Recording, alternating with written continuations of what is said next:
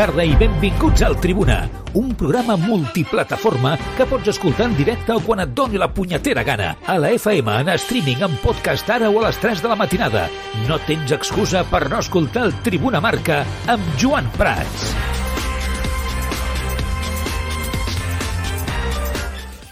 Tal, com esteu? Molt bona tarda. Benvinguts un dia més al Tribuna Marca. Esgotades les entrades pel Barça Inter de dimecres. El Camp Nou es prepara per viure una de les grans nits de Champions amb un ple absolut. Ara mateix no queden entrades a la venda per assistir al partit Barça-Inter de Milà de dimecres de la setmana vinent. Només hi haurà més localitats a la venda si hi ha abonats que alliberin el seu carnet a través del seient lliure. De moment, només es poden adquirir les entrades VIP i VIP Premium, que tenen un preu més elevat que les bàsiques ja que les ofereixen d'altres serveis com el catering, per exemple. De les entrades VIP se n'han esgotat també les del gol i només queden VIP Tribuna a partir de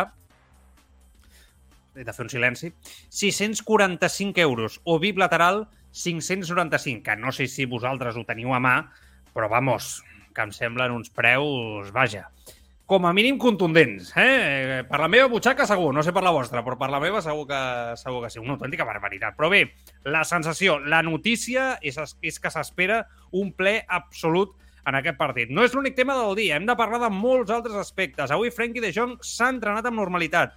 Podria rebre l'alta mèdica de cara al partit de diumenge davant del Celta. Per tant, sobre una possibilitat, que és que De Jong jugui de central davant del Celta i davant de l'Inder i que Piqué vagi a la banqueta. Veurem, perquè, insisteixo, sembla que Xavi vol tenir un central de garanties a la banqueta, en aquest cas seria Piqué, per tenir, no sé si passa qualsevol cosa, una, una opció. Ha parlat Pjanic, recordeu de Pjanic, i ha criticat amb duresa Ronald Koeman. L'escoltarem. Déu-n'hi-do, eh? Déu-n'hi-do. Crec que la cantarella aquesta de i si lo hiciera Koeman esto, no? que s'escolta molt amb l'etapa Xavi Hernández, crec que acaba de morir amb les declaracions de Pjanic sobre com entrenava Ronald, Ronald Koeman. I molts més aspectes, eh? Hem de parlar en aquesta hora de programa de més aspectes de l'actualitat esportiva, com sempre amb el Marc Turugo, que ja m'escolta. Marc, què tal? Bona tarda, com estàs? Hola, què tal? Bona tarda a tots. Molt, Molt bé. bé? De divendres, sí, sí, sí, sí déu-n'hi-do, eh? Has comprat l'entrada ja o no has comprat l'entrada? Eh, sí, sí, quatre, quatre. Anem, anem Quatre, tota la eh? família. Aneu tota la família, Sí, sí, sí. Anem la dona, la filla, el gos i jo.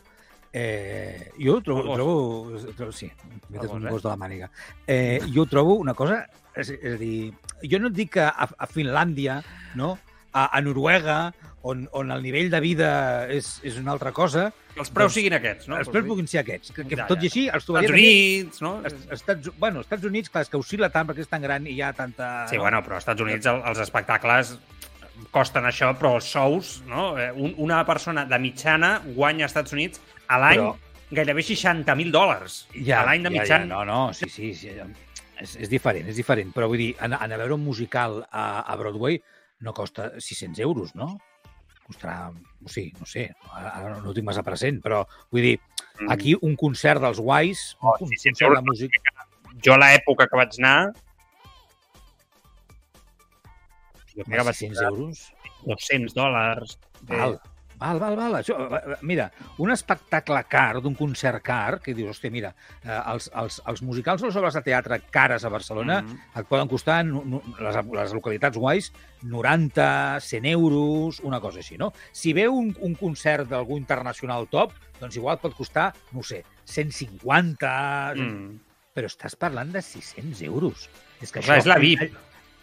Sí, sí, sí, clar, tot el que tu vulguis. Sí, però a partir d'aquí, clar, jo ho trobo molt exagerat. És que després, clar, el futbol, allò, allò del futbol pel poble, Marc, el poble, el futbol Però del quan poble. costa... O sigui, una entrada d'aquestes deu de costar, no, no ho sé, eh? sincerament, estic molt desconnectat del, del que costa perquè perquè són jo crec que 150 euros, entre, no? una, cosa, una cosa així més o menys, que ja, ja és pasta. Home. Però, clar, la VIP, quan costa la VIP d'anar a Braithwaite? Uh, ai, a Braithwaite.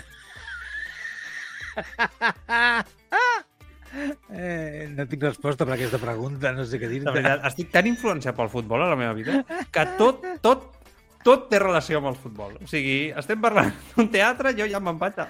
Mart... A Broadway. Eh? O sigui, ja, jo ja... No sé, no ho sé. futbol, futbol. No Aquest pas li dic a Però- Liceu Lewandowski. Eh? Vull dir... Vull dir... Però escolta'm una cosa, és molt trist que seguidors i aficionats del Barça, eh, de, eh, més humils a nivell econòmic, mm. eh, no puguin anar un dia a la família amb tranquil·litat a veure un partit de la Champions. Que sí que perquè... poden, home. A veure, a veure, no, o sigui, sí, t'entenc que, no que facili... a la VIP no, no clar, no, a la VIP no, no, amb 100 euros per persona no és facilitat, no. no clar. Pues clar, és que... Sí, és que vull dir. Bueno, per molta gent sí, per, la, crec que la majoria no, però bueno, després veus molta gent que té molts diners. Llavors, per un, ja... per un però... mileurista, que és la ah, majoria no, no, de la població d'Espanya, sí, gastar-se 400 euros... Està clar, però, però és que ja no és el futbol, és anar al cinema. Van quatre al cinema i a 10 euros o 12 euros al cap de setmana, si vols no sé què, més les palomites, més el no sé què... I ja ens estem anant, eh? Bueno, sí, Però sí. bueno, eh, sí, sí, això, això, això són altres temes ja. Bueno, l'important, que l'afició confia no? Jo, jo quan avui he llegit, he llegit aquesta notícia dic, bueno, va, confiem-hi, no? Vull dir, eh, veig que la gent està esperonada, tot i que no ens enganyem. És veritat que si el Barça guanya l'Inter i el Bayern, segurament es fica no? en els vuitens de final, però no ens enganyem. És molt difícil. O sigui, l'altre dia, perdent a Itàlia, el panorama se t'ha complicat de mala manera. Has de guanyar l'Inter, que jo això ho veig possible, però el que ja no està tan clar és que puguis guanyar el Bayern a casa, vull dir, sobretot amb la passa enrere que ha fet l'equip, no? Per tant, animar a saco, s'ha de confiar, m'agrada que la gent hi confiï perquè vol dir que el factor Xavi no? i el, nou projecte continua estant allà, però no ens enganyem. Vull dir, no serà fàcil, no serà gens fàcil. I al Barça se li ha complicat la, complicat la cosa molt. El tema de Frenkie de Jong recuperar-lo, que segurament demà rebrà l'alta mèdica, bueno, doncs una bona notícia per l'equip, no? Eh, sobretot perquè guanyes una peça pel mig del camp. El que passa és que estem tan tots mm, eh, estressats ara mateix, no? amb les baixes a la defensa, que ràpidament un jugador que pot jugar també de central polivalentment, no? tots pensem que és un recurs ràpidament per la, per la defensa. bueno, veurem. Jo ahir ho dèiem amb el Carlos. Entendria que potser Piqué no jugués davant del Celta i faci de Jong en aquesta posició de central, podria arribar a entendre. A mi no em dona cap mena de garantia de Jong com a central, però ok. El que passa és que sentar el dia a l'Inter a Piqué i posar de Jong per tenir aquest recurs a la banqueta, que entenc que Xavi l'obsessioni, no? Ostres, se'm lesiona un, i que pica a la banqueta, com a mínim. Ostres, jo crec que ja és el cop definitiu per Gerard Piqué, eh? L'acabes d'enfonsar aquesta temporada, si és que no està enfonsat ja, no? Com com a jugador en aquest vestidor. Eh, anem, anem per passos, vaig ràpid, ràpid amb tot. Eh, a tope amb que l'afició estigui amb el club, perquè mm, mai és fàcil, i menys en aquesta situació en la que estàs reconstruint-te i en les que has d'anar per totes, i on sabem que els jugadors necessiten de l'afició, necessiten que els diguin eh, sou uh, la, la pera mm. i, i ho podeu fer. Jo crec que ho, ho necessiten, perquè si no a vegades sembla que se n'obliden. Eh, val, doncs a tope a anar tots al camp i a donar suport i a que entenguin que ho poden fer perquè ho poden fer. Eh, a partir d'aquí, clar, arribem a una situació que comentat l'altre dia a la Champions, que és una punyetera desgràcia. Sí. Perquè, perquè, perquè, perquè venim amb, amb, amb, amb, amb gent a l'infermeria, amb, amb sense defensa, tot, o sigui, és, és, o sigui, pot anar pitjor Podia, pot, pot ser... Sí. Mm, que, sí, bueno, sí, clar, sí, sí, però vull dir... L'Inter et pot guanyar a casa i, i, i adeu no, ja. No, ja, però prefereixo abans d'arribar aquí. Vull dir, pot ser pitjor? Doncs en principi no, perquè venim d'una situació en què teníem tots els efectius disponibles i en una setmana i mitja en dues els hem, hem, hem perdut a, a, a no sé quants baluars de l'equip. Vale. Doncs aquesta situació no és agradable. Per tant, encara més, un 1. No, jo no faria més... Um, Mm. Clar, com que l'altre dia parlàvem que el tècnic, el Xavi, no havia fet autocrítica o, o suficient autocrítica, no sé com es pot... Eh, com, què se li pot passar pel cap en aquest eh, darrer encontre, en aquest proper encontre, però jo, si us plau, no faria, dins de les possibilitats que són complicades per la falta d'efectius, jo no faria experiments. Jo no faria experiments. No sé, dir, però jo, jo crec jo que per alguna cosa, eh? Perquè avui ha cridat a Marc Caçador, a Xus Alba, a Riat, a Barberà, a Vega i a Pelayo del filial. Vull dir, em sembla que els hi vol donar protagonisme d'alguna manera, tenint en compte les baixes. Jo crec que el tema del lateral a Xavi, al lateral dret em refereixo, no li agrada gens, com va acabar el mercat, i la lesió d'Héctor Ballerí, Ballerín jo crec que l'ha acabat de, de, de, de, no? d'omplir d'inseguretats a l'entrada del Barça clar, en aquest sentit i, i Sergi Roberto no l'acaba de convèncer i ho va dir en roda de premsa que, li, que el veia més no? com, a, com a migcampista fins i tot. Condé no està, que és qui estaves posant allà. Anaves a posar a Ujo al clàssic per tapar Vinícius, està lesionat. No sé, jo crec que veurem coses eh, en els propers partits, eh, provatures, eh, segurament. I està clar que Xavi ara mateix amb Piqué Però no connecta, però no per una qüestió futbolística. Jo crec que no connecta per tot el que ha passat, eh, per, per, perquè Xavi Però- doncs, no tenen la millor relació i li ha estat molt clar i se'l vol treure de sobre. Vull dir, que ara mateix Piqué ha de jugar, jo crec que és evident, veurem en quin rol. A mi em fa la sensació que Xavi intentarà fins a l'últim punt, vull dir que l'última peça serà Piqué utilitzar. Jo crec que abans inventarà qualsevol cosa. Aquesta és la meva sensació, Marc. Em puc equivocar, evidentment. A veure, eh, si Piqué no està per jugar, i Xavi així ho considera, Piqué no està per jugar. Val. No ho ha fet malament, eh, quan ha jugat ara. Va- S'ha no, de dir no, que dic- no, molta gent l'ha atacat i tal. És veritat que potser va a un altre ritme. Un altre No? ritme. Tu veus ara Ujo, Condés, ara mateix és un altre nivell, no? estan en el seu prime i Piqué no, i té una lesió, no està jugant normalitat, etc. però no ha desentonat a un nivell eh, enorme. No, però ho dic des del punt de vista de Xavi, que és, aquí és el que, és el que anava a dir. És a dir, si Xavi considera que Piqué no està per jugar i per donar el callo al costat Mm. de l'equip a la Champions, Sí, sí. mm, doncs ho respectarem. I si és així, confio en el criteri de l'entrenador i segurament la millor opció és la que potser estaves apuntant tu, que li pot estar passant pel cap, que és posar jugadors del filial. La que posar jugadors del filial a la, a la Champions davant de l'Inter... Allà no crec, però davant del Celta potser sí que aprova alguna cosa. Bueno, no ho sé, però jo preferiria, per preferir, que potser ara és fins i tot utòpic això que vaig a dir, eh? però Mhm. preferiria que jugués Piqué a la Champions i que doni el callo que per això se li paga, per això ha estat al Barça... i que per això, Piqué per lluitarà això- i que s'esforçarà, jo crec que això és Doncs ja innegable. Abans- perquè Piqué abans sempre s'ha deixat la vida al camp. Una altra Abans cosa és que fora has estat més afortunat, menys, etc. i a nosaltres, a mi personalment, no m'agrada. I que entenc que el Barça hagi dit prou amb algunes coses amb Piqué. Però a la Si gespa... El recurs s'ha d'utilitzar. Clar, és, això. A la gespa, a mi em dona més, mil cops més seguretat Piqué que De Jong. O sigui, entenc que, que Xavi té un problema que possiblement també sigui personal amb ell, no? Eh, però... No, no, espera, és que jo crec que és bastant sí, evident, sí. això. Val, que sí. que es va explicar que s'havien picat eh, a Munic, que li va dir allò Sí, de... sí, menys sí. jugaràs ara, no? Sí, Quan sí, el va sí. escoltar dient-li que no jugaven a la petanca i tal. Sí. Vull dir que l'actitud no li agrada, no?, a Xavi. De... O sigui, la, la, el caràcter de Piqué sembla que no agrada a Xavi, no? Eh, No m'estranya, no m'estranya. Val, val, si no, si amb això no, segurament estaríem d'acord amb en Xavi. Però Clar. que vull dir, una cosa de les coses que estiguin en calent, fins i tot les tonteries que pugui dir mm, eh, Piqué mm, en un passadís o en un vestidor, eh, i, i com reaccioni el tècnic, amb calent, eh, val? amb les discussions i tot això. Però després, a l'hora d'afrontar els reptes i les obligacions, Mm. un ha de saber baixar i posar-se al seu lloc i buscar la millor solució.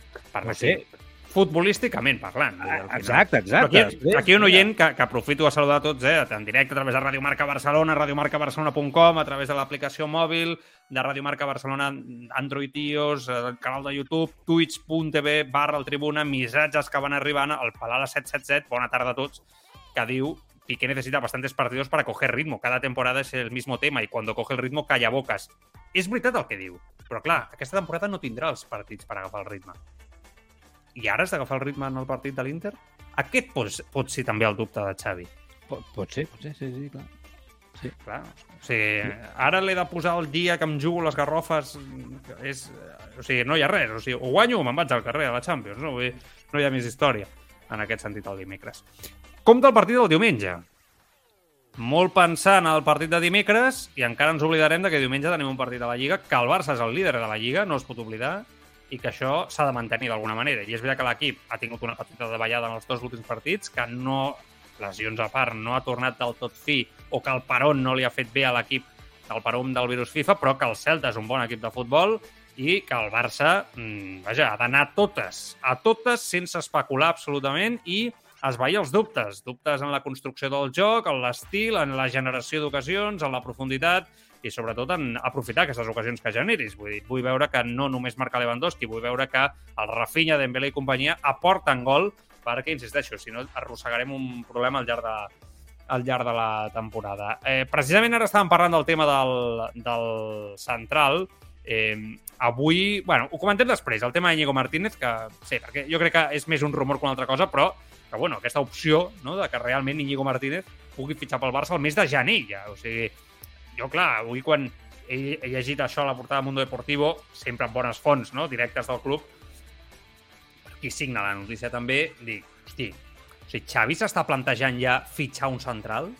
Quan tens cinc centrals a la plantilla, ara s'ha lesionat Koundé i Araujo. És veritat que Koundé, a priori, hauria de tornar diuen que l'Inter, ara en parlarem, però serà més el clàssic, em sembla a mi. Per tant, lesionat, lesionat, tindràs Araujo, Christensen, el, el tindràs un, un mes, fins després del Mundial ja no el tindràs un altre cop, no? però el tindràs, i Araujo a priori et vindrà al gener, que ja veurem com està. Ok, o sigui, és una, permeteu-me dir-ho, una putada el que li ha passat a Xavi amb els centrals. Però, home, quan, podrà, quan puguis fitxar serà l'1 de gener, o el 2 de gener. Allà haurà recuperat... Hosti, que malament veu a Piqué que vol a Íñigo Martínez. O sigui, ja ara, no? O sigui, que poc confia en ell. És que tornem al que estàvem dient, no? Eh, ostres, si ja està, això ja s'està filtrant a aquest nivell, que el Barça fins i tot vol accelerar un fitxatge que jo crec que es farà a l'estiu perquè acaba contracte Íñigo Martínez, fins i tot el Barça està disposat a pagar diners, o Xavi vol pressionar perquè paguin diners per un jugador que acaba contracte a final de temporada. Hosti, és que el de Piqué Xavi està trencadíssim, eh? És el primer que he pensat jo quan he vist aquesta portada. Bueno, una mica reafirmar el que estem dient, no? Eh, en el que, que diem. Sí, no, no, bueno, és el que, clar, és el que, el que deies tu abans, el que recordaves, no? que sembla que Xavi li ha posat la creu definitivament al jugador, eh, no té, i a més a més, vull dir, si no li vol donar la confiança, si no li pot donar la confiança perquè creu que no té el rodatge suficient i que això serà un cadàver que anirà arrossegant tota la temporada, més enllà de la decisió mm. en ferm de que el mm. jugador no continuï a l'equip i, i acabi sortint, doncs doncs està clar que, que es busquen solucions. Aquí eh, llegia un, un, també un oient que deia, home, i, el, i a la cantera no, no es poden bueno, buscar, no? Per això no ha pujat avui a tots aquests nanos, perquè em sembla que està buscant no? opcions, està buscant... Sí, és evident que surt lo de Ñigo Martínez i Xavi puja a sis tios i les baixes les té a la defensa. Bueno, pues està clar que aquí, amb, amb els que té avui, a dia d'avui, que no estan lesionats, no, no li acaben de convèncer. Eh? No, no cal ser tampoc massa intel·ligent per veure el que passa aquí, no?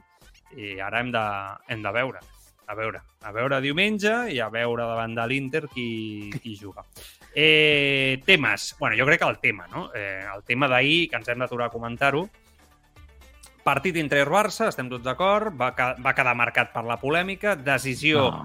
que més va enfadar el barcelonisme va ser que no xilés un clar penal per mans de Dumfries, que hauria pogut suposar l'empat, i a banda, no, el gol de Pedri. Bueno, doncs aquella jugada de Dumfries, ahir, col·legiat del bar, Paul Van Boekel, conegut ja per tots, perquè va ser també el col·legiat del bar el dia del Bayern, que no va xiular el clar penal sobre Dembélé.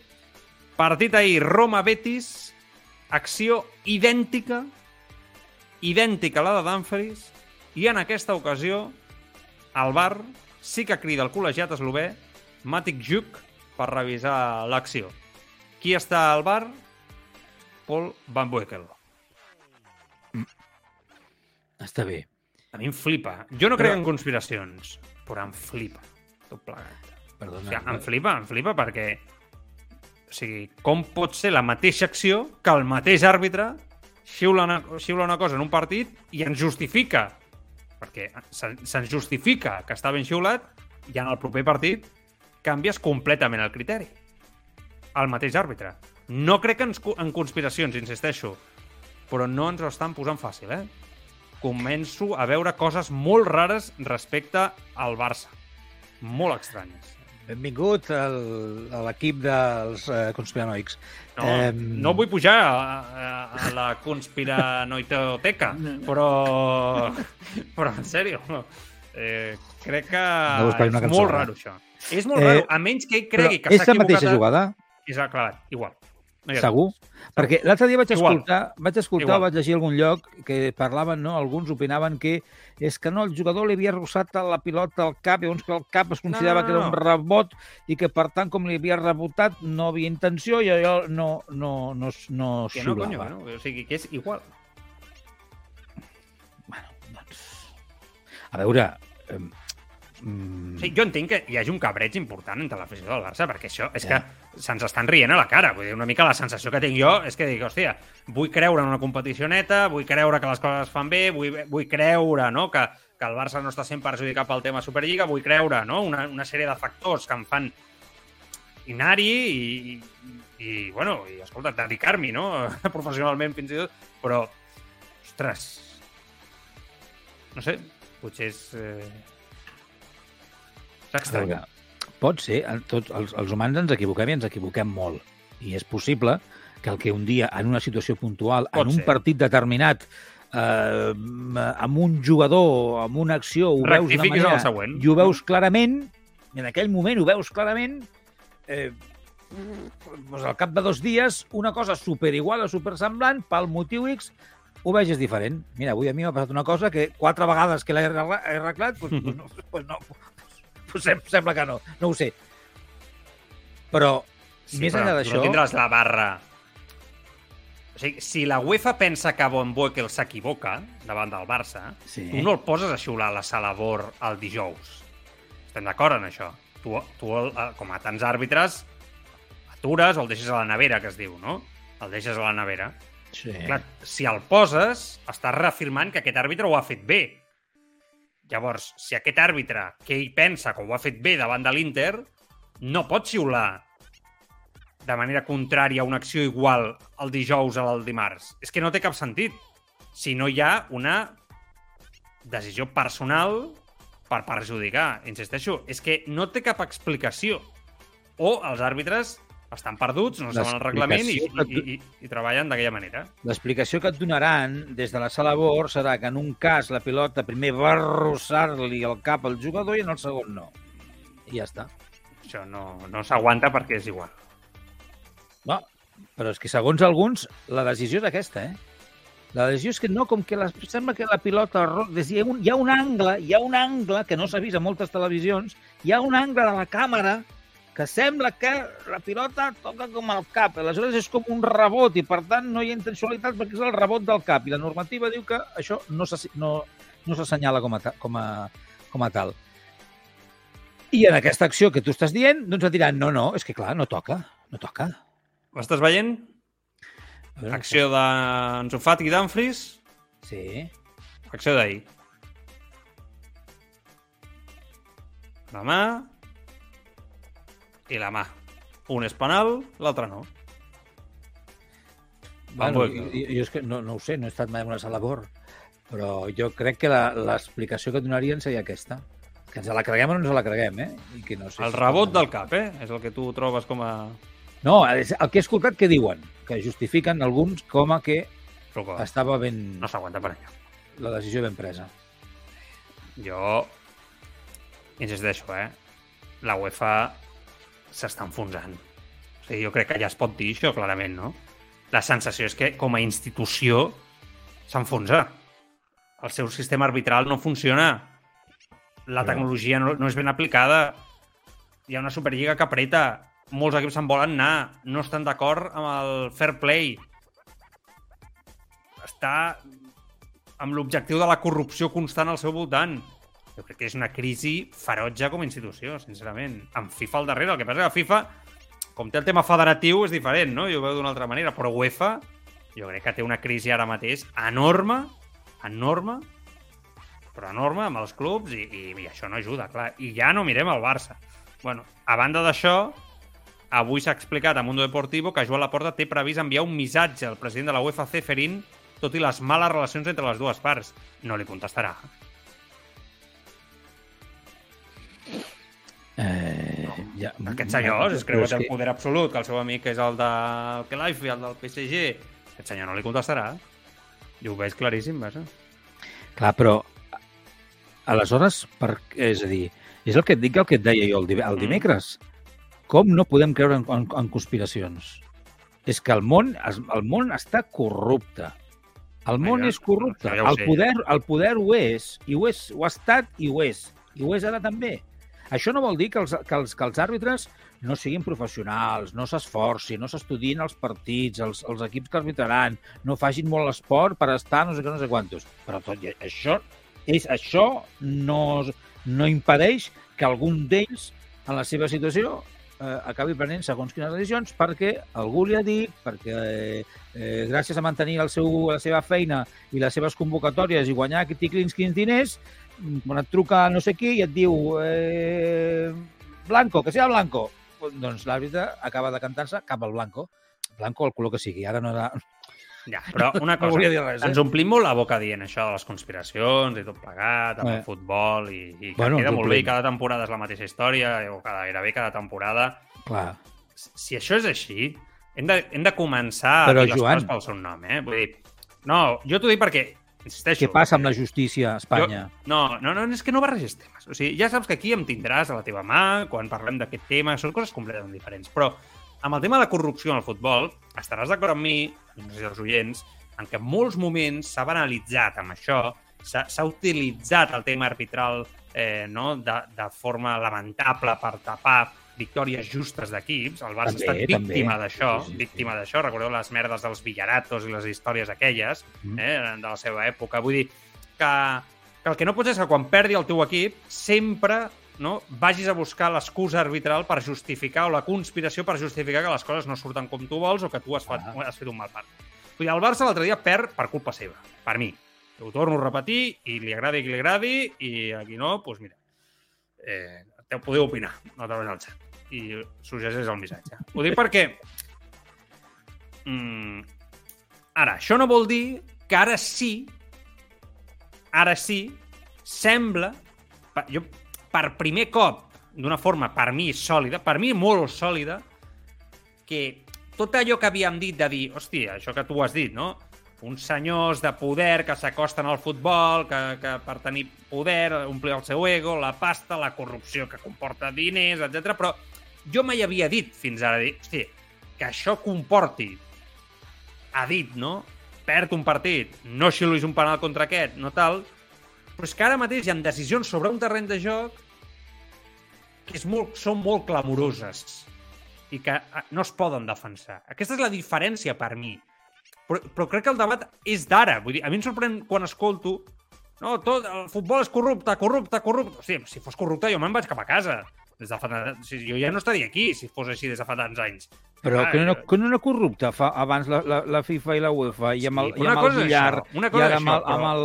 Una cosa és Sud-amèrica, el que passava a FIFA, el que va passar i tal, i una altra cosa és les seleccions, i una altra cosa és el que passava a la UEFA Champions League, la màxima competició de prestigi, amb els problemes del propi joc que ha tingut per implementar segons quines normes, amb els problemes per implementar el VAR. Una altra cosa, cosa és que àrbitres, el mateix àrbitre, prengui decisions el mateix dia, d'un dia per l'altre, la mateixa jugada d'una altra... No? I prengui la decisió completament contrària i a sobre encara et defensi la de l'altre dia. Per mi això és... Jo no ho he vist mai, això. Mai. Llavors aquest és el tema. Jo crec que això és el mi em diu, hòstia, però què està passant aquí? I, i estàvem amb de sempre, i nosaltres aquí a la ràdio estirant-nos els cabells i tornarà a passar el proper cap de setmana. I tornarà a passar la propera Això jornada sí, de això és un altre tema. Clar. Clar. Si, si realment aquesta gent està a aquest nivell pel tema de la Superliga, hosti, el Barça té fotut a la UEFA Bueno. Champions League o no. Esperem, espe- esperem a veure aquesta sentència del dia 15. Bueno, no és el programa que m'agradaria fer ara mateix, en aquests moments, però també com és un tema que el Marc eh, hi entra i entra amb ganes, no? el tema corrupció, eh, no només al món de l'esport... Eh, Perquè no no, una altra cosa que, que, que, que, que rajar aquí davant del micròfon. No podem fer una altra cosa. Clar, és que és escandalós. Però això del futbol és escandalós. Però és així, però escolteu, és així perquè mou pasta. És així, el que no, que no ho sabem tots, que mou milionades. I aquest és el, aquest és el, el tema. Mou milionades. I a partir d'aquí, doncs, a vegades passen coses, clar, perquè la gent, la, fe- la gent els organismes, les La NBA empreses... Mou milionades, la NFL mou, mou milionades, i tu, tu creus en la credibilitat del tennis, de l'ATP, de, del World Tour, del ciclisme, no? Oi, què creus en tot això? I mouen milions? I la NBA, oi, què creus? Home, tu si vols deixar de creure, que deixa de creure, però generalment, oi que el 89%, 90%, la- si treu els conspiranoics eh, radicals de la societat com el Martruco de, de l'equació, eh, que veuen conspiracions com la... Bueno, ja, ja la meva família també en tinc una, eh, que també veu conspiracions per tot arreu. No, però, no és però- conspiracions, és que la vida és, és, que la vida és Però així. que collons, però tu, oi que el producte està ben venut, que generalment el públic el compra, el gaudeix, Clar. i no estàs parlant constantment no, d'històries ens d'àrbitres i tal. Pues això és el que es mereix el futbol europeu. Clar, és que és això. O sigui, aquest és el tema. Aquest és el tema que ens mereixem. Això és el que has de tenir. Després, si hi ha gent que hi creu que deixa de creure, eh, una minoria, però, però tu has de tenir una credibilitat com a institució, que això és el que no, no té UEFA i no té la Però si el problema no és actualment. meu, el problema és d'ells, que quan estàs veient un partit de futbol intentant divertir-te, intentant emocionar-te, intentant passar-t'ho bé, va i et foten Sí. la, la marderada i ja, ja, ja dia. Desconfies. desconfies. Va, I desconnectes. Aquí hi ha gent que diu, mira, me voy a la NBA, Joan, cada vez veo menos futbol. Clar, vull dir que al final la gent, quan veu totes aquestes coses, busquen alternatives, perquè a ningú li agrada que li enganyin, no? Crec que sí, a, a, a ningú li agrada que li venguin el pèl quan gaudeix un esport, no? En aquest sentit. Pues a mi, això és el que sent la gent. Bueno, és un tema antic, llarg, que no s'acaba mai i que ara potser és més greu que mai, perquè les decisions són, són bastant escandaloses. Per mi és el major escàndol del bar des de que està imposat, eh? jo ho vaig dir. Sí, lo d'aquesta setmana? Sí. Sí, sí, sí. Sí, sí perquè, perquè aquest senyor l'aplica constantment com li dóna la gana, salta les normes de mala manera, vull dir... Eh, o sigui, jo dubto que aquest senyor no se salvi les normes al bar, això per començar, No, no, va. no? O sigui que... No sé. En fi, els nervis. Tenia un mal dia de pensar això. A veure, missatges. Truco. Twitch.tv barra el Tribuna. Molts missatges eh, de la gent parlant d'aquest tema. És un tema que habitualment eh, sempre aixeca, aixeca polseguera. Doncs mirem alguns, per exemple, el Juanito Guapito, que diu, prefiero irme un fin de semana a un hotel y ver el partido en el móvil, perquè per- abans començàvem parlant de les, de les entrades, no? Sí. I a més a més diu, i comer eh, de restaurant, no de catering, eh? Vull dir que els diners se'ls gastaria... Se'ls bé. gastaria. El Turo me diu, te gastas un pastón y luego te encuentras un partido con... No, clar, Mira, saps per ¿Cómo què ho ha dit, això? podía? Clar, saps per què ho ha dit? Perquè clar, tu pagues el, el, el VIP aquest, però el menjars a catering, clar, per això ho ha hagut de dir, no? Al, al Camp Nou, 600 i pico d'euros i tal, i a sobre... Bueno, però el catering, el catering pot ser estupendo, eh, també, eh? O sigui, tot dissenyant catering que estan molt bé. Bueno, eh, el Tugromi diu, no serà mejor empezar con Piqué, que abans estàvem parlant, no?, del que pugui passar en el proper Mm. partit de la Champions. El Paladar 777 apuntava, Piqué si no juega con continuidades nunca estará para jugar a máximo nivel, com dèiem abans, i el Tugromi que contestava, si nos vamos a la Europa League con Frankie de Jong de central, habría que decirle algo al señor Xavi. Eh, hauria de deixar-li alguna nota.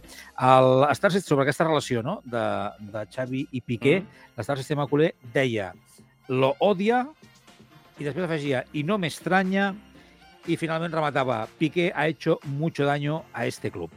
Un missatge del Loco Joker 1 diu ¿No crees en conspiraciones? Et pregunta Joan.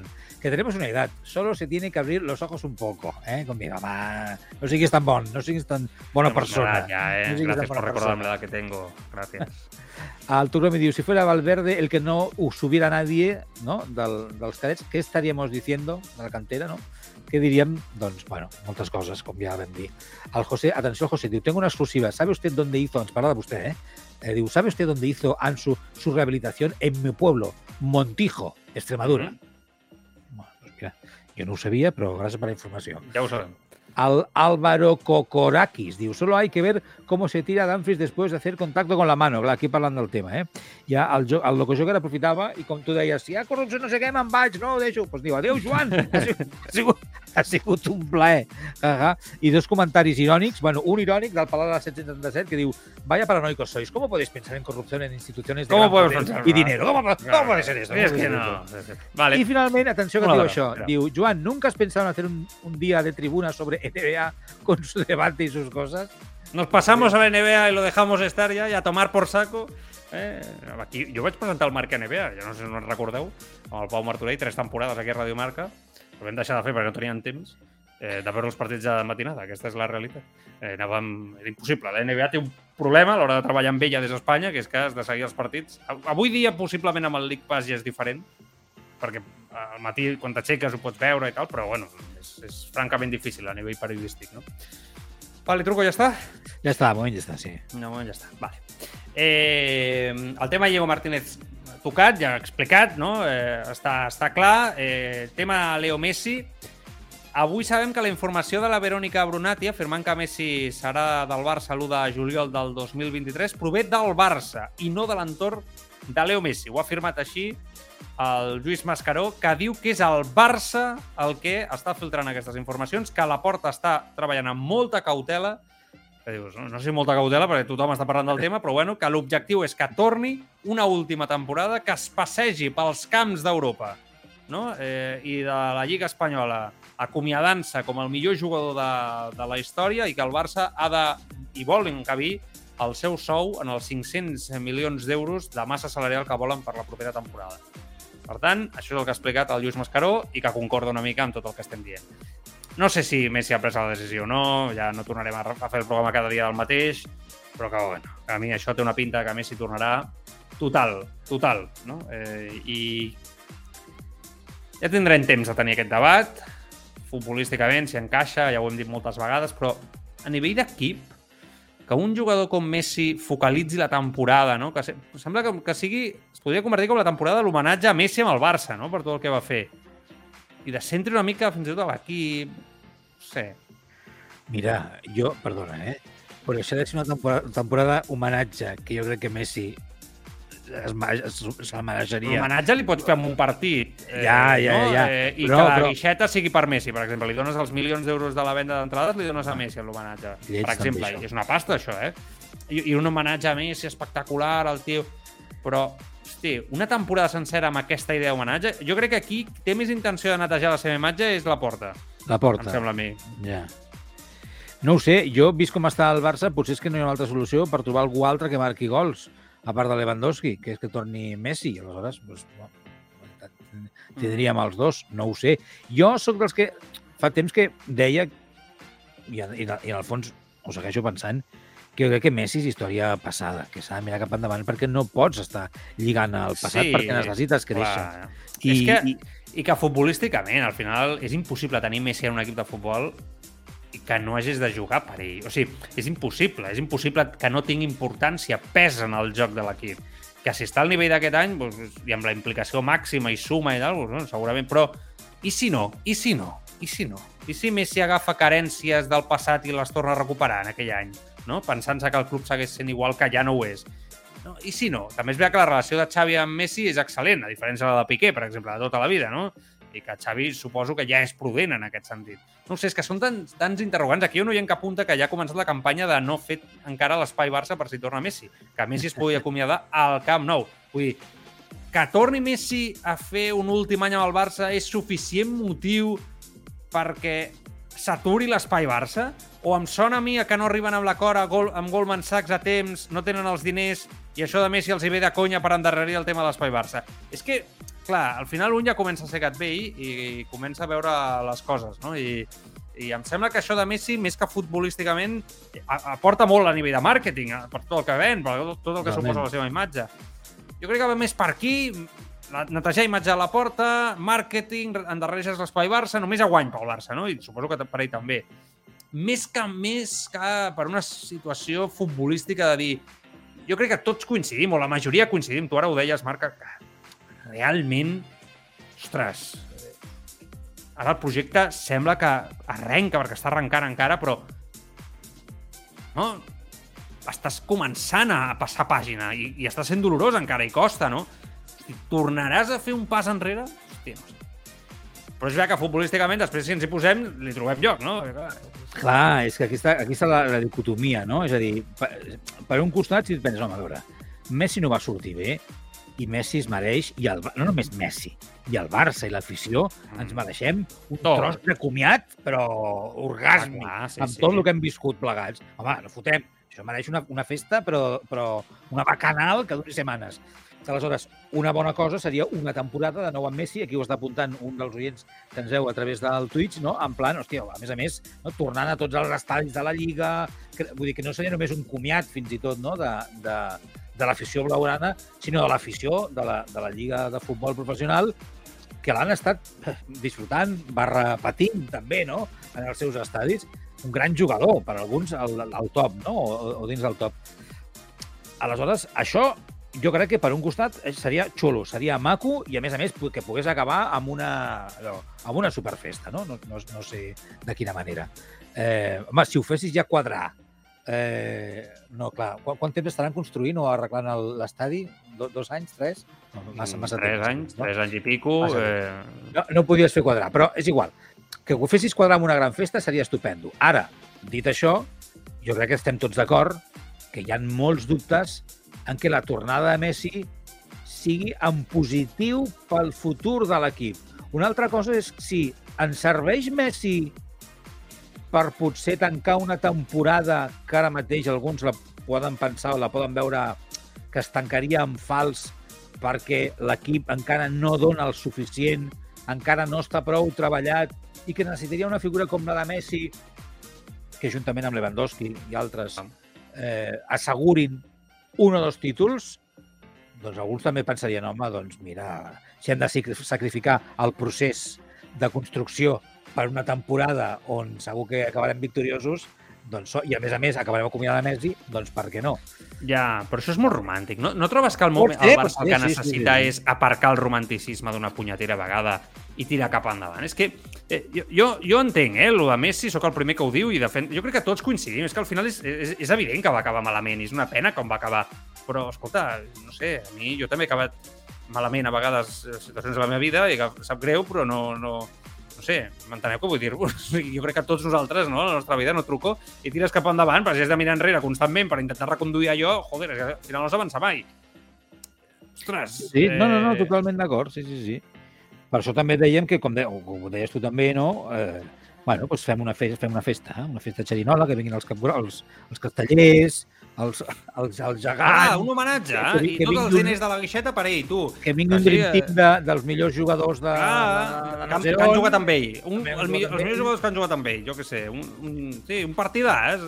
Eh, el que sigui, no sé, però és que, clar, eh, d'aquesta manera, a mi, no sé, sincerament, eh, hi veig molt de risc. Que pot sortir bé, clar, si el, el jugador està com, a, com ha començat aquest setembre, és Messi, no? És, és un escollit, és el millor jugador de la història del futbol, no? Però mare de Déu, no sé. Bueno, a veure, Leo Messi eh. i Lewandowski, els dos eh, fent virgueries amb sí. la pilota... Amb, els dos amb 30 anys sèrie és una cosa. Animats. Però els dos amb 30 anys és una cosa. Els dos amb 36 i 35 és una altra, eh? Vull dir que també hem de ser conscients. Bueno, és que, escolta'm, no sé, que però un any, aguantaran un any. Després ja n'hi ha que hi ha rodes, però un any, que tot ja... Bueno, ja veurem sobre, sobre això. Eh, Pjanic, a la cadena SER, avui criticant a Ronald Koeman. Ui. Jo crec que és l'anèssima crítica de Pjanic que se la té jurada a Ronald Koeman. Eh? Ara recordeu que ja ha marxat, ha marxat a Qatar, eh, ha renunciat fins i tot al, als diners que el Barça li ve a pagar, vull dir, diu que ha acabat bé amb el Barça, ha anat a guanyar diners a Qatar, y allá, ¿eh? a no preparar los partidos, que ahora he visto un, uh, una preparación buena, muy buena, normal, que, que he hecho también en, gran, en, un club como la Juve, que hemos ganado todo. Eh, se ve toda la diferencia. Creo que um, ahora los entrenos tienen mucha intensidad. Eh, el mister con el staff han sido muy, cl muy claro con nosotros que este año se va a correr, este año se va a entrenar a tope, se va a 2000 a la hora en todos los entrenos porque necesitamos todos. Eh, cuando ellos que no juegan tienen siempre un entreno muy intenso, también el equipo todos los eh, días tienen, eh, son partidos en el entreno porque es mucha calidad, mucha intensidad. Vale, eh, o sigui, és, és, és el sisè, setè, vuitè jugador que diu que en l'època Koeman aquí no entrenava ningú i encara hi ha qui defensa que eh, no va tenir les opcions ni el mateix equip que Xavi, etc etc. que segurament és veritat, però insisteixo, futbolísticament, Koeman no era entrenador pel Barça, es va veure amb la idea, amb la ideologia, com treballava, com portava el dia a dia dels mitjans de comunicació, com reaccionava segons quines coses. Després se'l va maltractar, no se'l va tractar bé i que segurament no es va gestionar de la, de la, de la millor manera. Tota la raó per part del president en aquest cas. Però que, vaja, és que... Ho dic per acabar ja amb, el, amb, amb la història de que cada cop que el Barça de Xavi perd o falla, no? truco al discurset aquest de si això ho fes Koeman, ah, Koeman, no, Koeman, això ho fes Koeman, el matàvem. I, bueno, és que era diferent. En Xavi ja Sí, un treball, una feina, un coneixement del club, de la, del que vol, de, un, un, un cos tècnic que treballa d'una altra manera, els jugadors no troben el gimnàs tancat. És que és tristíssim que un jugador de l'elit de Pjanic, no? d'elit, que ve de la Juventus, arribi a Barcelona i flipi. A mi em fa vergonya. Vergonya, com a culer, que un tio arribi aquí i digui si no se trabaja aquí en el Barça, i això li hagi d'explicar a algú. És que fa vergonya, Marc, sincerament. Prou ja de portar segons quins entrenadors a Can Barça. Ho dic pel futur, sobretot. Sí, total, total, totalment d'acord. Eh, bueno, no, no, no, jo no sé, jo entenc que l'entorn del, del, del, del, de l'entrenador de Koeman el pogués defensar i les seves amistats i tal, defensar, en, en, en aquestes sí. qüestions. Ja, com deies tu, ja sabem que eh, el Barça va actuar molt malament amb ell, eh? eh però a l'hora de, de treballar, a l'hora de, del dia a dia, aqu aquestes declaracions, les que hem escoltat, i les que ja havíem escoltat anteriorment, no, en el fons no ens sorprenien. En tot cas, ratificaven o confirmaven unes, unes sensacions que vèiem, no? De, hòstia, però eh, si no s'està fent bé, si els, no, no, no es prenen bones decisions, si els jugadors no arriben, si mentalment estan fluixos, si físicament estan fluixos, si tècnicament no sé què... Clar, tot això, quan, quan després diuen és que no s'entrena, és que s'entrena poquíssim, és que s'estan tots a la bartola tot el dia, és que el gimnàs està, està tancat, és que les reunions mínimes, és que la pressió zero, és que les obligacions o la normativa complida zero.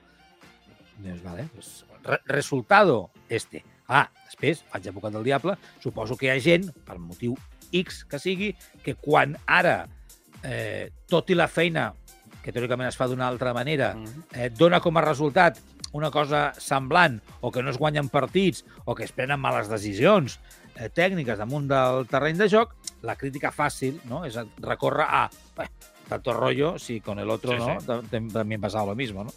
I el posava de volta i mitja, perquè que, a amb veure, ells no sí ens i amb, i amb aquest no, no? Aquesta crítica amaga a molts culers que són rossellistes, nunyistes, que van en contra de la porta, en contra de Guardiola, Cuifisme, Segurament, Xavi Hernández. clar. Són, crítiques interessades. I darrere d'aquesta coletilla, no? Amb Koeman, això, no sé què, no li perdonàveu... Bueno, és que tu tens un interès, un interès dels ismes, igual que abans hi uns, uns altres que tenien un altre interès en contra del que governava. Això és el mal d'aquest club, que arrosseguem, no? Eh, I que no ens el traiem de, de sobre i que, insisteixo, al final és molt trist que un jugador digui aquí nadie currava.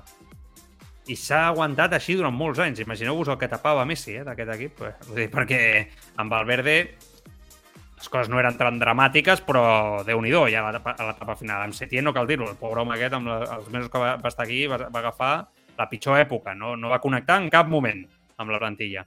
I amb Koeman ja el despelote padre, no? Eh, Imagineu-vos el que ha passat aquí. Bueno, unes declaracions de Cavani dient que va anar a teràpia després de la remuntada del Barça al Paris Saint-Germain del 6 a 1 al 2017. I davanter en aquell moment, eh? M'han semblat flipants aquestes declaracions de Cavani eh, dient no, directament que va necessitar no, ho dic per la duresa de l'esport d'elit, no? una derrota contundent, una remuntada històrica, un ridícul per molta gent, no? històric i com l'esportista ha de donar la cara, està sotmès a una pressió enorme, un partit que tothom pensava que no es podria remuntar i el Barça 6 a 1, no? Patapam. I es remunta aquell partit davant del Paris Saint-Germain. Encara estan així els del Paris Saint-Germain, imagineu-vos que ens odien. Eh, o sigui, I Cavani reconeix que van a teràpia. Em sembla molt valent per part seva, jo crec molt valent, això per començar, perquè pocs ho fan, haurien de fer més. Crec que ressalta molt la feina que fan els psicòlegs ara mateix en l'esport d'elit i en el futbol en aquest cas i crec que ens fa veure també la pressió a la qual estan sotmesos i com et pot afectar. Ho dic perquè a vegades ens preguntem molt per què aquest jugador no funciona, per què aquí no tal, per què aquí estava aquest nivell i no ha tingut continuïtat. Bueno, truco, perquè tots quan anem sumant desgràcies i situacions complicades a la nostra vida, a la motxilla li anem fotent pes, no? I, i si no es tracta i no es treballa, doncs, pues, escolta, es pot arribar a passar molt malament, no? I jo Sí. crec que aquí el futbolista és un exemple. Per molts milions d'euros que guanyin, que a vegades amb això sembla que ho justifiquem tot, eh? Guanyen molts milions, a callar i vinga, a prendre pel sac, no? També són persones, els diners no, són. No, clar, però és que per molts diners que guany... tu pots guanyar molts diners al mes, però, te... però la teva ment no, no té Mm. per què actuar o entendre que, ah, pues como tengo 20 millones al no año de en, en- bancàries. en el banco, Claro. pues mira, ah, ah, tot, tot em rellisca. No. Eh, no. I a més a més, jo crec que és el... Jo crec que... A veure que s'entengui el que vaig dir ara, eh? Crec que és el normal i que, malauradament, passa així.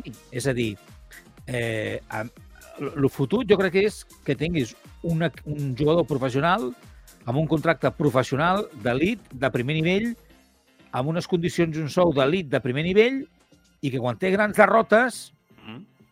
per això a vegades ho parlem, no? Hòstia, han acabat, un Sí, sí. partit i s'han anat de festa. Hòstia, tu pref jo, prefer entens, o pre no sé si dir prefereixes o barra entens, que estigui fotut puntualment, que li hagi sapigut malament, que necessiti reflexió, que necessiti mm, analitzar què ha passat, no? Eh, i, i, i veure que, no, no vull parlar d'ego, però que, no, que com a mínim eh, tota aquella L'ego il·lusió... l'ego fa molt de mal, eh? Marc, No, l'ego fa mal, de- clar, clar, clar, clar, clar, clar. Tu Això, això. guanyes el, el Barça a París, et creus ja que estàs a les... No? Les, allò era semifinals, no? Ja estava, allò era vuitens de final, crec. que- Vuitens de final, crec que era. Creus ja que aniràs a quarts, a per la Champions, tothom et... No? Quan guanyes el futbol, no? tothom et diu el meravellós que arribes i 6 a 1, el major ridícul de la història d'Europa, no? En, en aquest sentit. Hosti, l'ego és el que et toca, no? Si tu tens l'ego controlat i, i, i intentes créixer a partir d'allò, fantàstic. Si tu t'estomaques a partir d'allò, doncs el que diu Cavani, necessito teràpia, perquè no hi ha una altra, no? Clar, I necessita ajuda. I, I aquí el, el, no sé, el dubte... mm, Jo no sé si aquesta feina s'ha fet bé sempre a Can Barça, que ja entenem que no, eh? Mm. L'ajuda psicològica als jugadors, perquè la pressió és màxima. El Barça, es va, això ho va portar Luis Enrique. Fins a Luis Enrique no s'havia treballat mai així. Amb Valverde no es va treballar tan bé i ara Xavi ho torna a treballar molt bé. Clar, és que quan, quan t'estan demanant, exigint, que jo entenc que és el que fa el, el Xavi, eh? Eh, responsabilitat eh, màxima, esforç màxim, dedicació màxima, resultat màxim, Totalment. físic i intel·ligent damunt del terreny de joc, vull dir, jo entenc que, que hi ha eh, un, un treball no només físic i tècnic, sinó que hi ha un treball intel·lectual d'entendre el joc, no? d'entendre les tàctiques, les tècniques Sí, sí, que clar. necessiten per superar partits. Clar, Com a mínim, aquest, doncs, clar, que tot aquest treball, tot aquest esforç sumat al la pressió a que surts per la porta de, del camp d'entrenament i tens els fans, els mitjans, les fotos, els diaris, els Tribuna Marca cascant i dient de tot. Clar, i després vas al camp i tens... Clar, jo, és que jo sempre ho he dit, no? I, i després, fins i tot pels propis entrenadors, que després han de donar la cara i respondre 50.000 vegades la mateixa pregunta. Entra dins el sou perquè cobres molts diners, no sé què? Sí. Ara, com el teu cap això ho entoma i ho gestiones, pff, això ja és un món i han de posar les eines per, sobretot perquè els jugadors, que és el que a mi em preocupa, i el tècnic, si fa falta també, no s'enfonsin. Que No no s'enfonsin i, i tinguin cap endavant de, davant de derrotes que potser no s'esperen eh, i siguin capaços de, de remuntar, com van fer en aquella ocasió. Uh, Mundo Deportiu acaba de penjar una entrevista amb eh, Bueno. Pedri. Anem a intentar escoltar el, el tall del jugador del, Sí, del para Barça. mí, para mí sí, debería seguir. Creo que, que ya lo ha dicho algún jugador, que vamos hasta la muerte con, con el míster y, y bueno, creo que, que nos hace muchísimo bien, como ya te dije, y ojalá pues, pues pueda estar ayudándonos muchísimo tiempo. Desde el primer día que, que vino el míster, pues, pues me dio muchísima confianza, estoy con, con muchas ganas de, de ayudar al equipo, siempre he visto el fútbol que jugaba él en el, en el Barça y es el que intento hacer, intento pues pues hacer lo que nos transmite y, y bueno, creo que, que me va muy bien y, y sobre todo pues la confianza que me da a mí, a, los jóvenes, que creo que, que nos viene súper bien este equipo y, y a todos. Somos una selección muy, muy joven, que tiene muchísimo futuro, pero, pero también presente. Creo que, que ahora mismo pues tenemos un, un gran nivel todos los que, los que vamos y los que pueden ir a la selección y, y bueno, creo que, va a ser un mundial bonito. Bueno, tampoc és que hagi dit massa cosa. Com a mínim el sí que és veritat que no, no surt del tall, però l'entrevista és extensa, diu sobre Lewandowski que verlo aquí entrenando y ver cómo entrena y juega es una verdadera locura. Muele como si tuviera 19 años. Es un espectáculo tenerlo, ha dit Lewandowski. La gent està impressionada eh, amb, Le amb Lewandowski, amb, amb, amb, com entrena, no? la seva edat, eh, la sensació de que el que és el més gran no? i el que, el que més treballa, el que més s'esforça, no, igual que els altres que teníem aquí de la seva quinta, eh? igual. Eh? Han sortit igual que Lewandowski. Bueno. Està, està bé Pedri, eh, és veritat que Pedri és un jugador molt jove encara i que és una meravella, una meravella veure'l sobre la gespa, crec que és una, una evidència, però sí que l'altre dia pensava que si això segueix així, eh, eh, a Pedri se li exigirà molt més abans d'hores, segurament, no? Perquè, clar, si tu que se m'entengui, eh, el que dic, no, no, no vull posar una pressió excessiva en jugadors que tenen una edat i que han de créixer, no només futbolísticament, que aquest va molt sobrat, sinó de coco. Això que estem dient, no? precisament. Però sí que és veritat que l'equip té unes necessitats en la construcció del joc, segurament d'un Pedri potser més madur, no? o d'un Gavi potser més madurs, però alhora no faràs una aposta per altres jugadors, perquè el, el potencial d'aquests dos és molt més elevat que qualsevol altre fitxatge que puguis incorporar, estem d'acord, no? Mm -hmm. Potser hauran d'accelerar termes, o temps, això em refereixo, en el seu creixement o la seva implicació, que és una que ja va passar amb Xavi Iniesta, es van haver de posar el mono de treball en el seu moment i van accelerar terminis en el seu creixement com a futbolistes i al Barça li va sortir bé, està clar, no? Jo crec que és un procés que a mi em recorda en Pedri i Gavi. Eh... Per les carències, eh? pel que demana el seu entrenador. Sí, sí, sí, sí, sí. Bueno, jo no sé si aquestes coses són possible, és possible no. eh, avançar-les no? en el bueno. temps. Hi ha, hi ha uns processos i que, i que en cada persona a vegades mm, eh, varien perquè necessiten passar... Moltes vegades les coses s'aprenen no només per repetició eh, i, per, i per voluntat mm -hmm. d'aprendre-les, sinó també eh, eh, perquè te les trobes i les vius, no? Clar, i, i aprens. I, pot, i potser d'haver-la viscut una vegada, això Clar. ja et fa un clic i ja, hòstia, a partir d'aquell moment ja la cosa... Sí. I ara aquestes coses s'han de, de donar, s'han de donar certs partits, s'han de donar certes finals, s'han de donar... Trobar-se, segurament, amb segons eh, quins companys de feina al vestidor, no? I no amb uns altres. Eh, i anar aprenent de tot, i uns entrenadors, i, i a vegades no serà ni l'entrenador ni serà la gran estrella del, de l'equip, sinó serà eh, aquella persona de l'estaf eh, tècnic amb la que tens més important, tens més eh, contacte pel motiu que sigui, no? que t'acabarà ensenyant o dient algunes coses. No, no, no ho sé, ja, ja, ja veurem. Jo... Però jo, jo crec que aquest, i, tant, i Gavi també, suporten bé la pressió, aquests dos. Eh? O sigui, els veig eh, a gust amb la pressió, els motiva, van, van... Així com veus un jugador com Coutinho, feble, no?, psicològicament des del primer dia, o Griezmann, sí. no?, que es, ràpidament s'enfonsaven en l'entorn Barça. Aquests són més joves i els veus a gust. Els veus que I no aquests, contollen. Sí, sí, aquests tiren, tiren, sense por. Clar, això és com quan ens ve nosaltres un estudiant en pràctiques, no? que allò que comentem tu i jo en privat. Hòstia, aquest se'l veu que és, que és valent, no? Que és valent. Tu has vist els dos estudiants en pràctiques nous? Són boníssims, no? Sí, m'agrada. Però són jugadors de bàsquet. No passa, ah, sí, són altíssims. No, gairebé ah, no passen per la porta. Doncs pues mira, farem un dos contra dos. Farem un dos no, contra dos. A, a mi quan els he vist entrar, que no els coneixia, dic que m'han fet por. Dic que, que això... Perquè sou tan alts, els dos. Fantàstic. El jovent aquest, com creix, eh? Quina cosa. Bueno, fantàstic. Sí, clar, nosaltres ens anem fent, ens anem fent grans. Eh? D'això no hi ha, no hi ha dubte.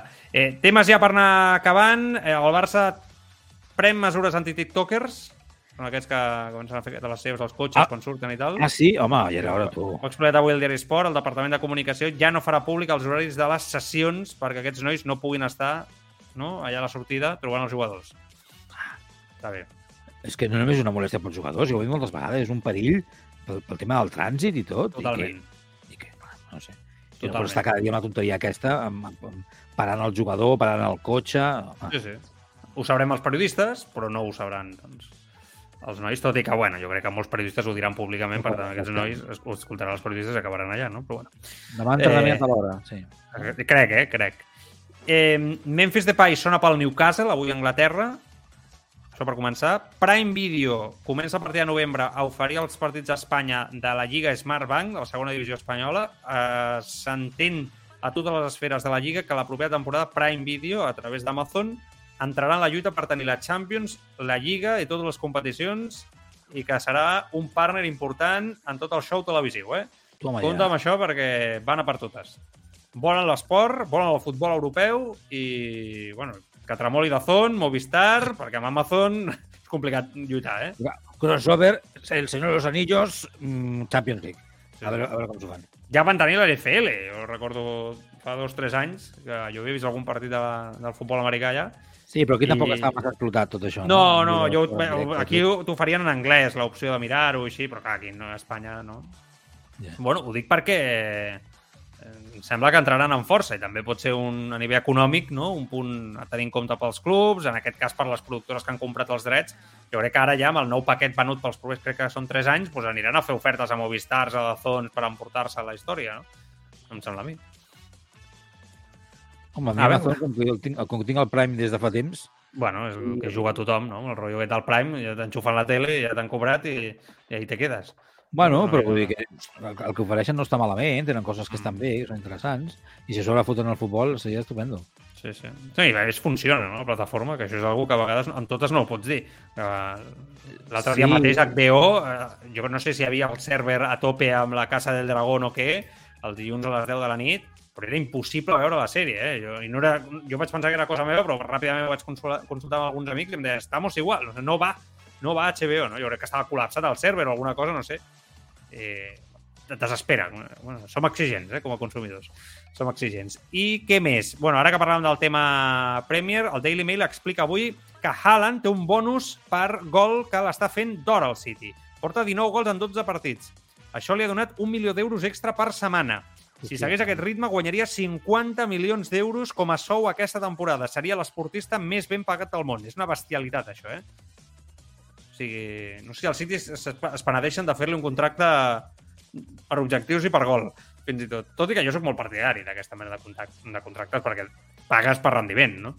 Però, vamos, 50 quilos en bonus, és que és una brutalitat, clar. És que ningú va pensar que aquest tio potser marca 60, 70 gols a final d'any. És que, mare de Déu, eh?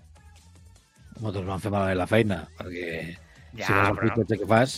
Marcar 60 gols, ningú va marcar 60 gols en una temporada. Bueno, però sempre No. Messi, no? Un any. Bueno, però escolta, perdona, si tens un equipàs i totes li ponen i tens un tio que els fa com a xurros, que només entra al terreny de joc, a ta clasca, te l'engalta... Eh, no sé. Hosti, no sé. Missatges, truco, per anar acabant? Sí, doncs va, mira, alguns dels últims que han arribat en els últims minuts, eh, quan parlàvem del tema de la tornada de Messi, han arribat aquests missatges, per exemple, el amic que deia me huele cortina de humo porque no tienen crédito al Manu Medina Trainer, que després deia se dice que jugadores importantes como Ter Stegen no estarían eh, muy por la labor de que llegue Messi Mm. la tornada del, de l'Argentí, el Palala que deia, hombre, una última temporada en la liga en plan homenaje en todos los estadios como Kobe sería espectacular. El DJ Jols, que ha aparegut després de, fa- no, de fa temps, Hombre, no, ens y tenéis un problema con el tema de pasar página. Hace dos semanas sale la filtración de las exigencias del contrato y ahora no sé qué directivo dice que podrían hacer magia de traerlo. I aquí estem tots amb el tema, no? El Álvaro Kokorakis diu, en San Mamés i el Bernabéu le van home- homenajear mucho. Punts suspensius, el que deia jo abans, no? El Seràs muy listo, mira que també feia temps que no el veia, el Seràs muy listo. És dels meus aquest, ja ho sabeu. Hola, tribuneros. Digo, ayer escuché las declaraciones de Rubiales respecto al tema de incluir a, home, el te- aquest tema també és maco. A Ucrania en el Mundial, España-Portugal, y hacía tiempo que no escuchaba a un pelota tan nausebundo, de verdad. Bueno, eh, ja sabeu que és amic nostre també, el, el Calvet aquest. Luis Rubiales, sí. sí. Rubi. Al Palala diu, se dice que con Kuman no se preparaban los partidos, no ha visto los de Setién y Valverde, que també eren macos alguns d'ells. L'Àlvaro diu, quan parlaves del partit aquell contra el Mm. PSG, diu, gallina de piel con ese 6-1. Les fet recordar un moment espectacular. Després el Sas muy listo que deia Xavi tiene un camino espinoso por delante. O un missatge del José Badía que deia tampoco es, es solo culpa de los entrenadores. A Messi y a las vacas sagradas ya les iba bien entrenar poco para vivir bien. Totalment. Eh, gràcies a tots per participar. Hem d'anar plegant, però abans eh, s'ha filtrat el cop de puny de l'estrella, d'una de les estrelles dels Warriors, Draymond Green, a Jordan Poole a l'entrenament. Eh, Hòstia. ho dic perquè els, que us agradi la NBA, en què veieu que estan I- i- entrenant. I, i, el, I a la boxa, també. Sí, sí. Draymond Green, Jordan Poole allà a la cantonada. Draymond Green aquí, a la, a la dreta. Sí, No sé si es veu el meu mouse movent. sí jo el veig. Sí, Sí, sí, sí, vale, sí, vale. tot, suposo. Està aquí Draymond, Draymond Green, s'acosta, Jordan Poole allà, ei, què passa? Se'l treu de sobre i l'altre, patapam, que té crió. Però, perdona, eh? Això de què ve? Va- No, no, és que són dos de les estrelles dels Warriors, sense discussió. I, i què tenen? Que vull dir que... Quin... No, no, no passa res, simplement l'altre dia es va filtrar que, que li havia fotut un cop de puny eh, que hi havia hagut mal rotllo ella ha demanat perdó a tota la plantilla i als dirigents dels Warriors i tal perquè se li havia anat l'olla. Draymond Green, que és una persona que jo crec que bastant inestable, ja com a persona, ja de per si, bastant, Ja. bastant malalt mental, vull dir, això és de boig, un company, l'altre t'encares, el provoques, l'altre li fot una empenta per treure's el de sobre, em sembla que és completament normal, i li Clar. fot, una, li fot un cop de puny que el podria haver matat. Entre altres coses perquè li treu, és el doble, no? Ja. És una bèstia, Draymond Green, no? És una bèstia, és una bèstia. És una bèstia. Em sembla que... I hi ha, hi ha hagut denúncia i tot aquí? Del, Clar, del jugador? aquest és el tema, no? Als Estats Units tothom en parla d'això perquè sembla ser que Jordan Poole no vol denunciar, però estava negociant el seu contracte amb els Warriors de renovació. I aquí, clar, ara diuen, ara els Warriors encara perdran a Jordan Poole perquè Draymond Green, no? Se li ha l'olla d'aquesta manera, un Draymond Green que és una del Big Three, no? Thompson, Stephen Curry, Draymond Sí. Green, un jugador històric pels, eh, Però se sap el motiu de l'hòstia? Vull dir, se la tenia jurada per alguna cosa? Ah, és un pique, tal, no sé, jo què sé. Però és que no es veu que abans, passen, no? Ja, ja, home, però per trencar-li la cara a algú... I d'aquesta manera. Una cosa és trencar-li la cara a algú. algo, però... No ho sé, no ho sé, no ho sé. Una cosa és trencar-li la cara a algú, una altra cosa és anar a matar-lo.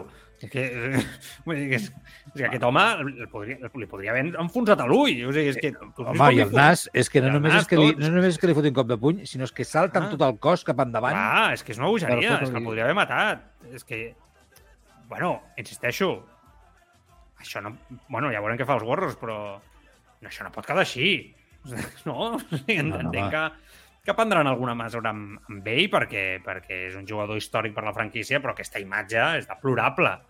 Insisteixo, no? podria haver anat a molt pitjor, eh? a molt pitjor. Vaja, a tu i a mi ens fot aquesta bèstia de dos i pico, un cop de puny així, ens envia, bueno, és impossible recuperar-te. En fi, Bueno, a mi un que em trepitgi té prou. Té por. bueno, nois, tornem al dilluns, a veure què fa el Barça. Ho comentem tot, eh? Ser feliços el cap de setmana, veure molt d'esport i ho comentem. Adéu-siau!